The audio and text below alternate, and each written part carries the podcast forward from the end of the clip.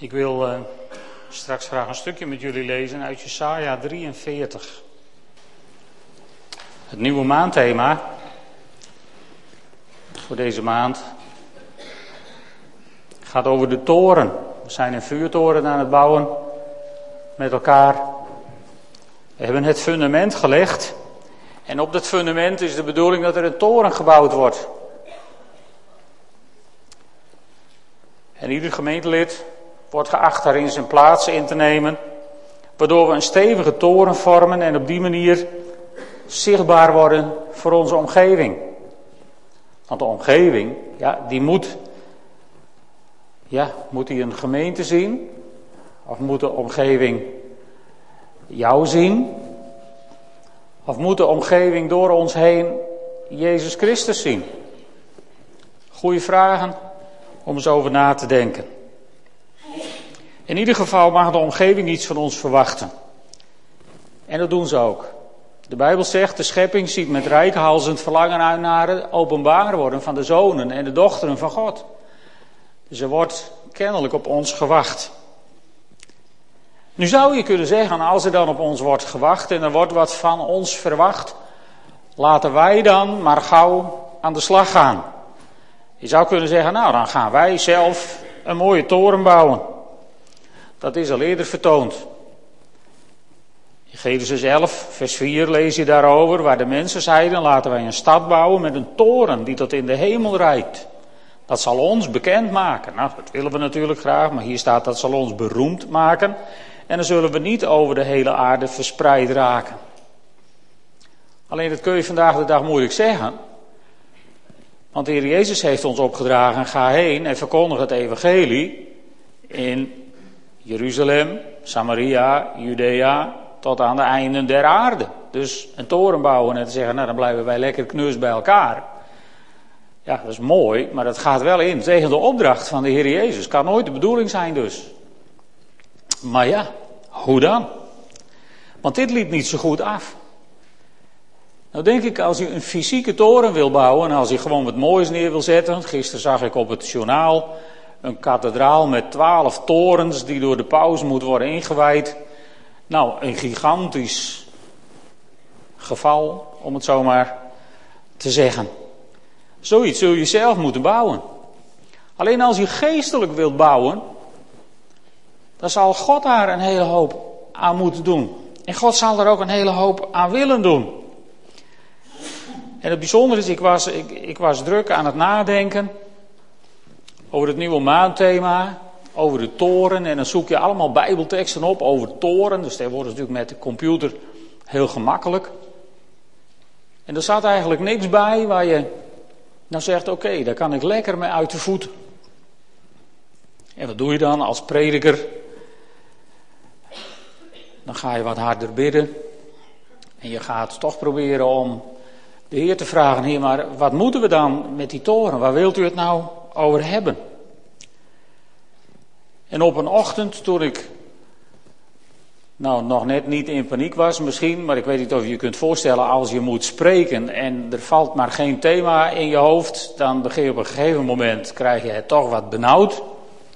Nou, toen ik het redelijk benauwd begon te krijgen, start ik morgens mijn computer op en ik krijg elke ochtend uh, zo'n uh, bijbeltekst op de computer via de mail. En toen kwam er een bijbeltekst uit Jesaja 43 vers 18 en 19. Maar ik wil een paar versen meer met jullie lezen. We beginnen bij vers 16. Bij vers 14. Nog mooier. Dit zegt de Heer, jullie bevrijder, de heilige van Israël. Omwille van jullie zend ik iemand naar Babel ik maak alle Galdeën tot vluchtelingen en jaag hen jammerend hun schepen op. Ik ben de Heer, jullie heilige, de schepper van Israël, jullie koning. Dit zegt de Heer, die een weg baande door de zee, die een pad door macht, en een pad door machtige wateren. Die paarden en wagens liet uitdrukken, een heel leger van geweldenaars. Daar lagen ze en ze stonden niet meer op. Ze zijn vergaan, als een kwijnende vlam gedoofd. En dan komt die tekst. Blijf niet staan bij wat eertijds is gebeurd. Laat het verleden nu rusten. Zie, ik ga iets nieuws verrichten. Nu ontkiemt het. Heb je het nog niet gemerkt? Ik baan een weg door de woestijn en maak rivieren in de wildernis. Blijf niet staan bij wat eertijds is gebeurd. Laat het verleden nu rusten. Zie, ik ga iets nieuws verrichten. Nu ontkiemt het. Heb je het nog niet gemerkt? Nou, het antwoord was nee, ik had het nog niet gemerkt. Misschien hebben jullie het al gemerkt, maar het, klinkt een beetje verbazing van God in door. Heb je het nog niet gemerkt? Ik ga iets nieuws verrichten. En ik dacht, ja maar heer, u, u, wij, gaan het hebben over een toren bouwen en een toren ontkiemt nou één keer niet. En zo worstelde ik wat met die tekst die ik van God had gekregen. En toen droomde ik s'nachts en zag ik dat grote betonnen fundament liggen, wat we prachtig hadden gemaakt. En midden in dat fundament, daar kwam ineens een heel klein boompje met blaadjes. En dat groeide en dat groeide en dat groeide en dat groeide. En ik had de handen vol om het bij te houden, zo hard groeide het. En weer zei de Heer, ik ga wat nieuws verrichten. Het ontkiemt al. Bijzonder, hè? Laten we eens even kijken naar deze tekst. Waar gaat het eigenlijk over? Uit de tekst maak je op dat het volk in ballingschap is in Babel. En, en dit is een hele lange profetie van Jesaja. Als je dit leest, die profetie begint in Jesaja 40 vers 1 met die prachtige woorden, troost, troost mijn volk. En dan komt er een hele lange profetie over Babel, over hoe ze terug zullen naar het land Israël en, en over over de Messias die zal komen en over de eindtijd waarin, waarin het oordeel Gods over de wereld zal voltrokken worden. Een hele lange profetie met prachtige dingen. En die duurt zeg maar van hoofdstuk 40 tot hoofdstuk 66. En er zijn heel veel theologen die noemen dit gedeelte Deutero Jesaja. Of Jesaja 2 zou je kunnen zeggen. Of 2 Jesaja, om het correct te houden met andere Bijbelboeken. Want, zeggen heel veel theologen, Jesaja 1 tot 39 gaat over het hier en nu van het Israël van toen. Daar zie je hoe, hoe de situatie in Israël elke keer wordt beschreven en wordt neergezet. Daar zie je hoe, hoe, hoe de misstanden aan de kaak wordt gesteld, worden gesteld en hoe God elke keer waarschuwt dat het anders moet. En dan vanaf Jesaja 40 gaat het ineens over de bemoediging van de mensen die in ballingschap zitten in Babel. Maar er was helemaal nog geen ballingschap in de tijd van Jesaja. Dus zeggen de theologen, dit kan Jesaja nooit geschreven hebben, maar dat kon hij nooit weten. Dat is dan nog maar de vraag natuurlijk. Want zij lossen dit op door te zeggen van dit moet geschreven zijn door iemand na de ballingschap. Daar zit iets in, in die logica, maar dan bedrijven we de logica even verder. Dan zouden de profetieën over de Messias geschreven moeten zijn na de geboorte van Jezus. En we weten sinds de vinding van de vondst van de dode zeerollen in Qumran waar een complete rol van Jesaja is gevonden. Die kun je overigens bekijken in het Israël Museum in Jeruzalem. Heel indrukwekkend. Wij weten dat de boekrol van Jesaja, die was klaar voordat Jezus überhaupt in beeld was. Dus daar eindigt de logica. En als je die logica van deze mensen nog verder zou willen doorvoeren, dan zou je zeggen, ja, en dan zouden al die stukken over het eindoordeel en de eindtijd geschreven moeten zijn na het eindoordeel. Nou, dat kan natuurlijk niet, want dat is er nog lang niet. Met andere woorden, in deze logica klopt gewoon iets niet. Deze logica gaat ervan uit dat je niet gelooft dat God vandaag kan spreken over iets wat in de toekomst moet gebeuren. Met andere woorden, als je dit zo oplost, geloof je niet in profetie, in het profetisch spreken van God. Dat was de situatie. En nu neem ik jullie even mee in de ballingschap. Wanneer deze profetieën, zeg maar, realiteit geworden zijn. Na de dood van Jesaja is het volk uiteindelijk in Babel terechtgekomen, in ballingschap. En daarvoor zijn deze profetieën bedoeld. En dan moet je even kijken naar dit stukje. Waar, waar God zegt van, van blijf niet staan bij wat eertijds is gebeurd. Ze waren bijvoorbeeld bezig, de stukje uit Jesaja geeft daar wat aanleiding voor. In vers 16, dit zegt de Heer die een weg baande door de zee, een pad door machtige wateren, paarden en wagens liet uitdrukken, een heel leger van geweldenaars daar lagen ze, ze stonden niet meer op. Dat gaat over de uittocht uit Egypte. En, en toen bedacht ik van, van de mensen in Babel, die hebben elkaar misschien wel bemoedigd met, met verhalen over vroeger. Vroeger. Ja, vroeger, toen onze voorvaderen slaven waren in Egypte. Ja, toen deed God nog wonderen. En toen heeft hij het volk uitgeleid door machtige daden en door de Schelzee laten gaan. En Farao en zijn hele leger heeft hij in de zee verdronken. Een geweldig verhaal. Maar als je vandaag in, in ballingschap zit in Babel, wat koop je dan voor dat verhaal van vroeger? Niks. Het is een leuk verhaal.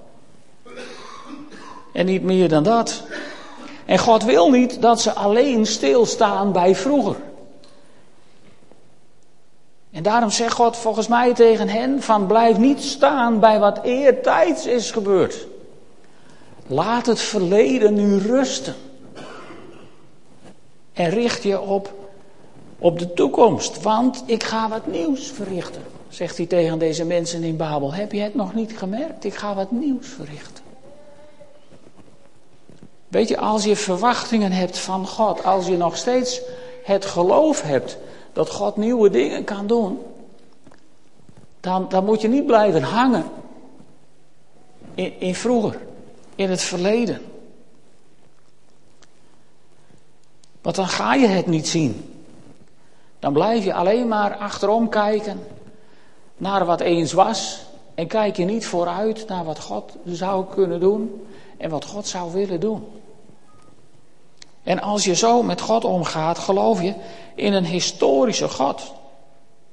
En het is goed hoor om in een historische God te geloven.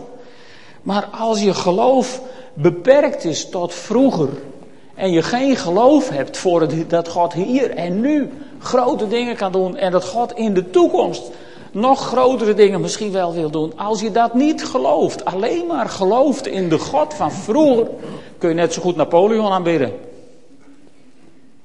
Die is ook dood.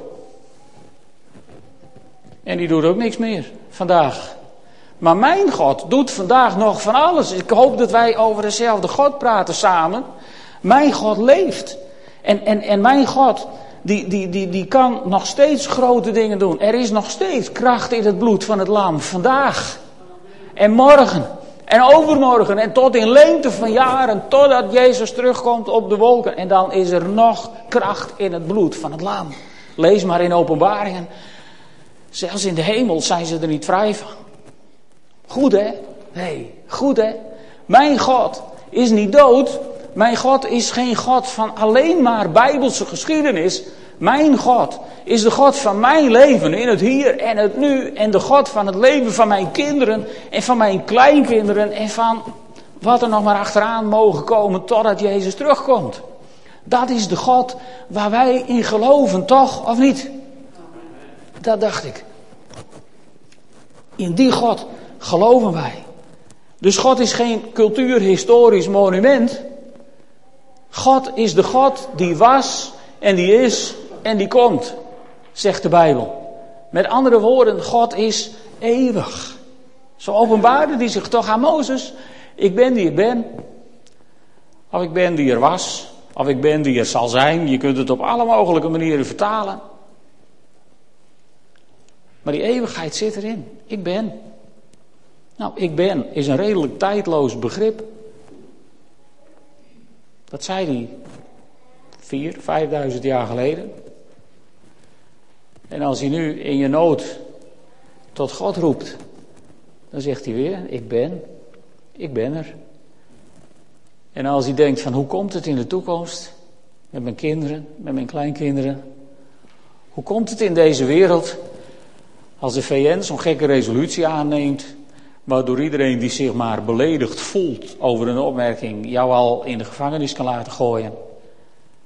Dan zegt God, maar ook dan ben ik er. Ik ben, ik ben. Altijd, overal, in elke situatie. Ik ben. Dat is de God die wij mogen dienen.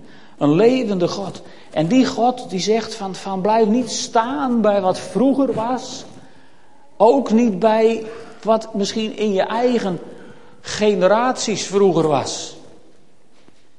Ik, ik heb heel veel respect voor, voor grote mannen gods die, die zeg maar vanaf de tijd van Osborne hebben meegebouwd aan, aan, aan de groei van de geweldige evangelische beweging die Nederland rijk is geworden. Er zijn mensen die hebben hun, hun leven in dienst gesteld van God om dat neer te zetten.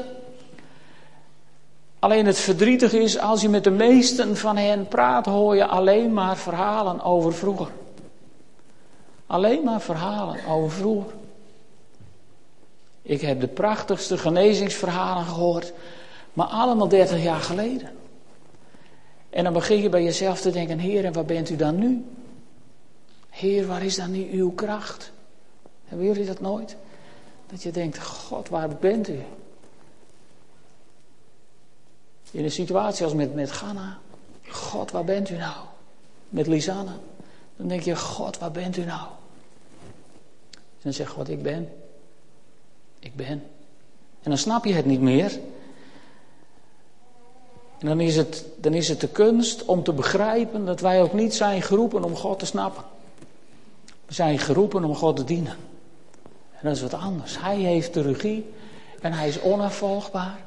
En hij wil ons gebruiken en hij wil zijn kracht opnieuw beschikbaar stellen aan mensenkinderen die geloven in de levende God van vandaag. En in die kracht, ik wil jullie uitdagen om, om voor jezelf daar eens over na te denken. Of je in die kracht misschien meer zou kunnen uitstappen. Wat zeg je als een collega op je werk zegt: Ik heb vandaag zo'n hoofdpijn? Wat is dan je eerste reactie? Zal ik eens raden? In de kantine hebben ze wel aspirintjes, of niet? Wat zou je eerste reactie moeten zijn als je vol was van het geloof in de levende God die geneest? Zal ik eerst voor je bidden en dan haal je daarna een aspirintje. Durf je dat? Ik daag je uit om, om in je leven, wat dat betreft, concretere stappen te zetten. In dat geloof van een God die kan genezen en die wil genezen. En soms gaat hij andere wegen, dat weet ik ook allemaal wel. Maar als wij bij voorbaat de handdoek in de ring gooien en er niet eens over beginnen, denk ik dat we heel vaak gewoon niet dat doen wat God eigenlijk zou willen op dat moment. Maar God is iets nieuws aan het verrichten. Er ontkiemt iets nieuws. Er ontkiemt zeker bij jongere generaties, een nieuwe radicaliteit. Een nieuwe, een nieuwe beweging, een nieuwe honger naar die echtheid van God, waar onze grootouders over vertellen van vroeger. Ik merk een honger naar verhalen van nu en verwachtingen voor morgen. En die verwachting is aan het groeien, dat is aan het ontkiemen. Heb je het nog niet gemerkt? Open je hart er dan eens voor. God is iets nieuws aan het verrichten en hij zoekt dringend medewerkers. Hij zoekt dringend medewerkers. In Psalm 127, vers 1, daar staat dit. Het is een pelgrimslied van Salomo. Salomo die de tempel bouwde. Hè? En wat zegt Salomo hier? Als de Heere het huis niet bouwt, vergeefs zwoegen de bouwers. Als de Heere de stad niet bewaakt, vergeefs doet de wachter zijn ronde. We hebben heel vaak deze tekst opgevat als uh, van nou ja, de Heer moet het huis bouwen. De Heer moet het huis, dus doe mij maar een leunstoel. Ik ga er noffelijk bij liggen en ik ga kijken hoe de Heer het doet. Want ja, de Heer moet het huis bouwen. Maar dat staat hier niet. Als je, als je deze tekst goed bekijkt, dan staat er als de Heer het huis niet bouwt, zwoegen de bouwers te vergeefs. Maar als de Heer het huis wel bouwt, ik draai hem even om, mag eigenlijk niet altijd, maar vandaag doe ik dat even. Als de Heer het huis wel bouwt, zwoegen de bouwers niet te vergeefs. Zo is het. Denk dat uit. Ik hoop dat je gelooft te grijpen, lieve vrienden, dat God wat nieuws wil doen. God ziet er zo naar uit om zijn kracht in deze wereld weer aanwezig te laten zijn. Alleen daarvoor heeft hij nodig een kerk die gelooft in de kracht van de levende God.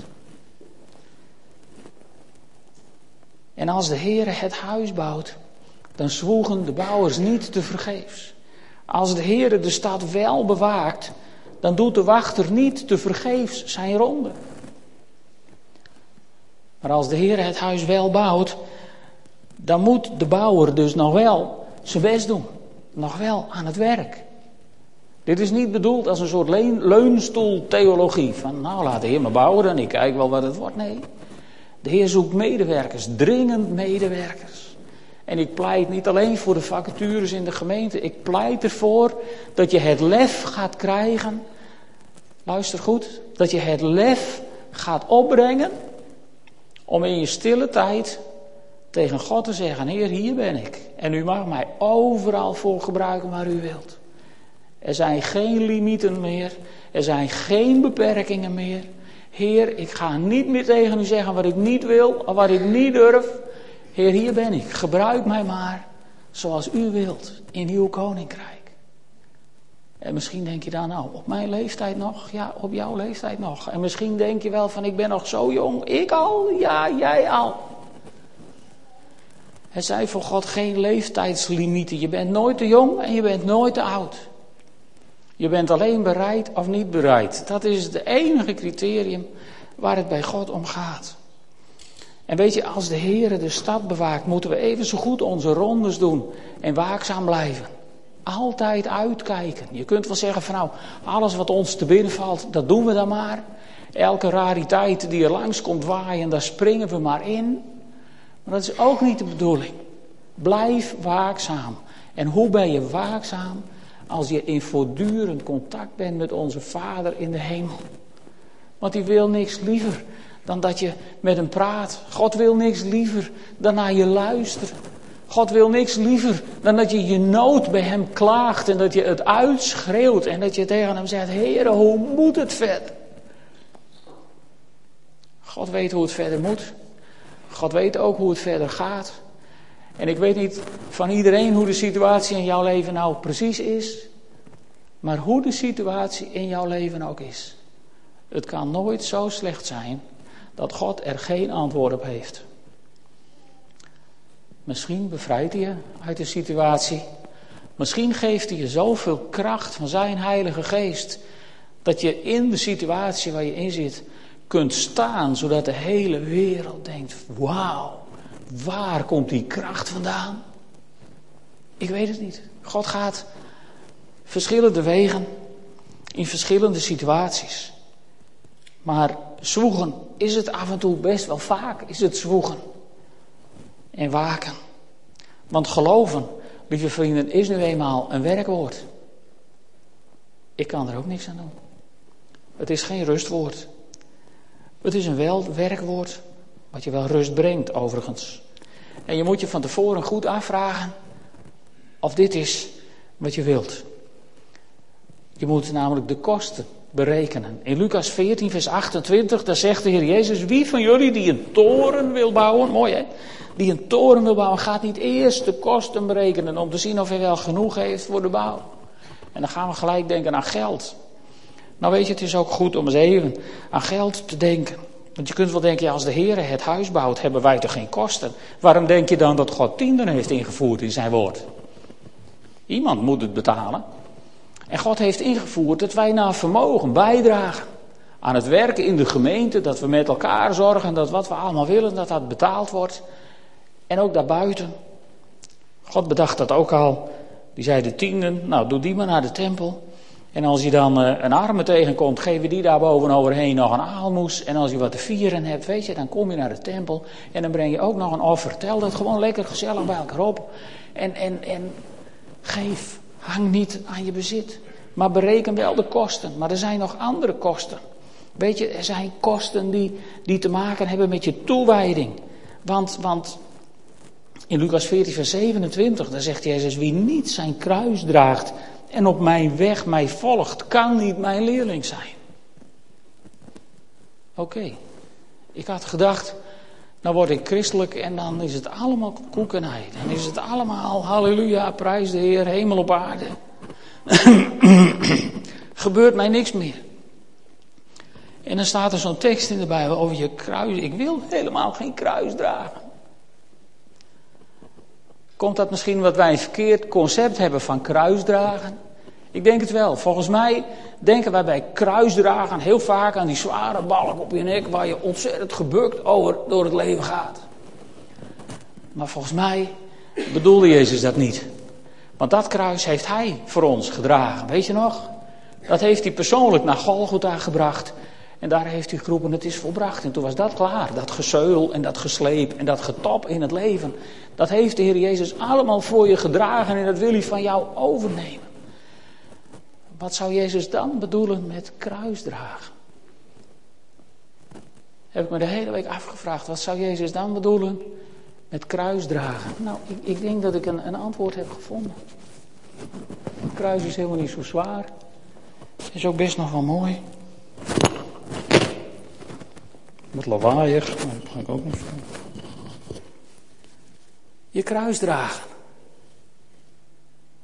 Zichtbaar zijn. Zichtbaar worden.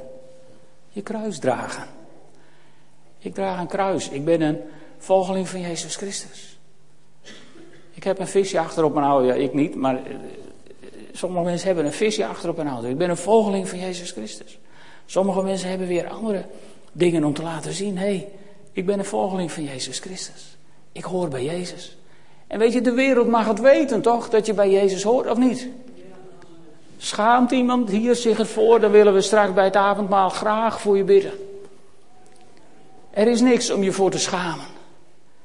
Als volgeling van Jezus Christus volgen wij degene die alle machten en overheden uit het rijk van de duisternis en die alle krachten uit hel heeft ontwapend en openlijk tentoon heeft gesteld. En die geweldige held, die mogen wij volgen.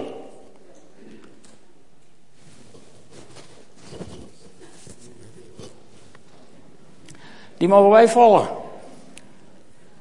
En wat gebeurt er dan als je Jezus volgt? Dan gebeuren er geweldige dingen. Als je durft te zeggen tegen Jezus, Heer, ik wil u volgen. Ik heb er alles voor over, Heer. Hier ben ik. Gebruik mij overal waar u maar wilt. Dan heb ik één geweldige belofte voor je vandaag. Een belofte waarvan ik geloof dat God hem heeft gegeven. Ik ga iets nieuws verrichten. Nu ontkiemt het. Heb je het nog niet gemerkt? Kijk dan goed om je heen de komende weken. Want God gaat iets nieuws verrichten in jouw leven. God is er klaar voor. Nu jij nog. En weet je, als God iets nieuws gaat verrichten, als God iets nieuws wil planten, als God iets nieuws wil zaaien, dan heeft dat goed bemeste, verzorgde grond nodig. En vandaag gaan we die grond verzorgen. Met brood en met wijn. Want Jezus heeft ons niet met lege handen achtergelaten. Hij heeft tegen ons gezegd: Ik sluit met jullie een nieuw verbond. En elke keer als jij denkt aan dat nieuwe verbond, in mijn bloed gesloten, dan zul je weten dat ik bij machten ben om iets nieuws te verrichten in jouw leven. Zullen we gaan staan en een moment samen bidden?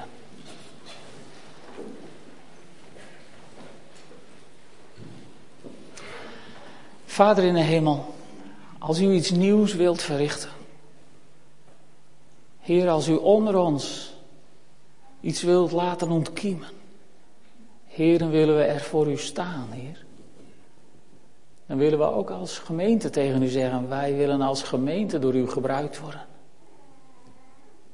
En als je dat persoonlijk ook wilt, zeg het tegen God. Ik wil door u gebruikt worden, Heer. Zeg het maar tegen hem. Heer, ik wil door u gebruikt worden, waar u maar wilt. En dat willen we ook samen als gemeente, waar u maar wilt, Heer. Waar u maar wilt. En ik dank u wel, Heer, dat we dat, we dat niet uit eigen kracht hoeven te doen. Maar dat u ons uw kracht hebt nagelaten. Dat u ons uw kracht hebt gegeven in brood en in wijn. En Heer, daarom dank ik u voor dit brood wat we hebben. Ik dank u voor de wijn die we hier hebben. En ik zegen het brood en de wijn. In de naam van de Vader en de Zoon en de Heilige Geest. En ik bid u, Heere God, laat het tot versterking zijn van ons lichaam, van onze ziel en van onze geest. Opdat we ontvankelijk zullen zijn voor alles wat u maar wilt doen in ons leven. Dat bid ik van u in Jezus' naam. Amen.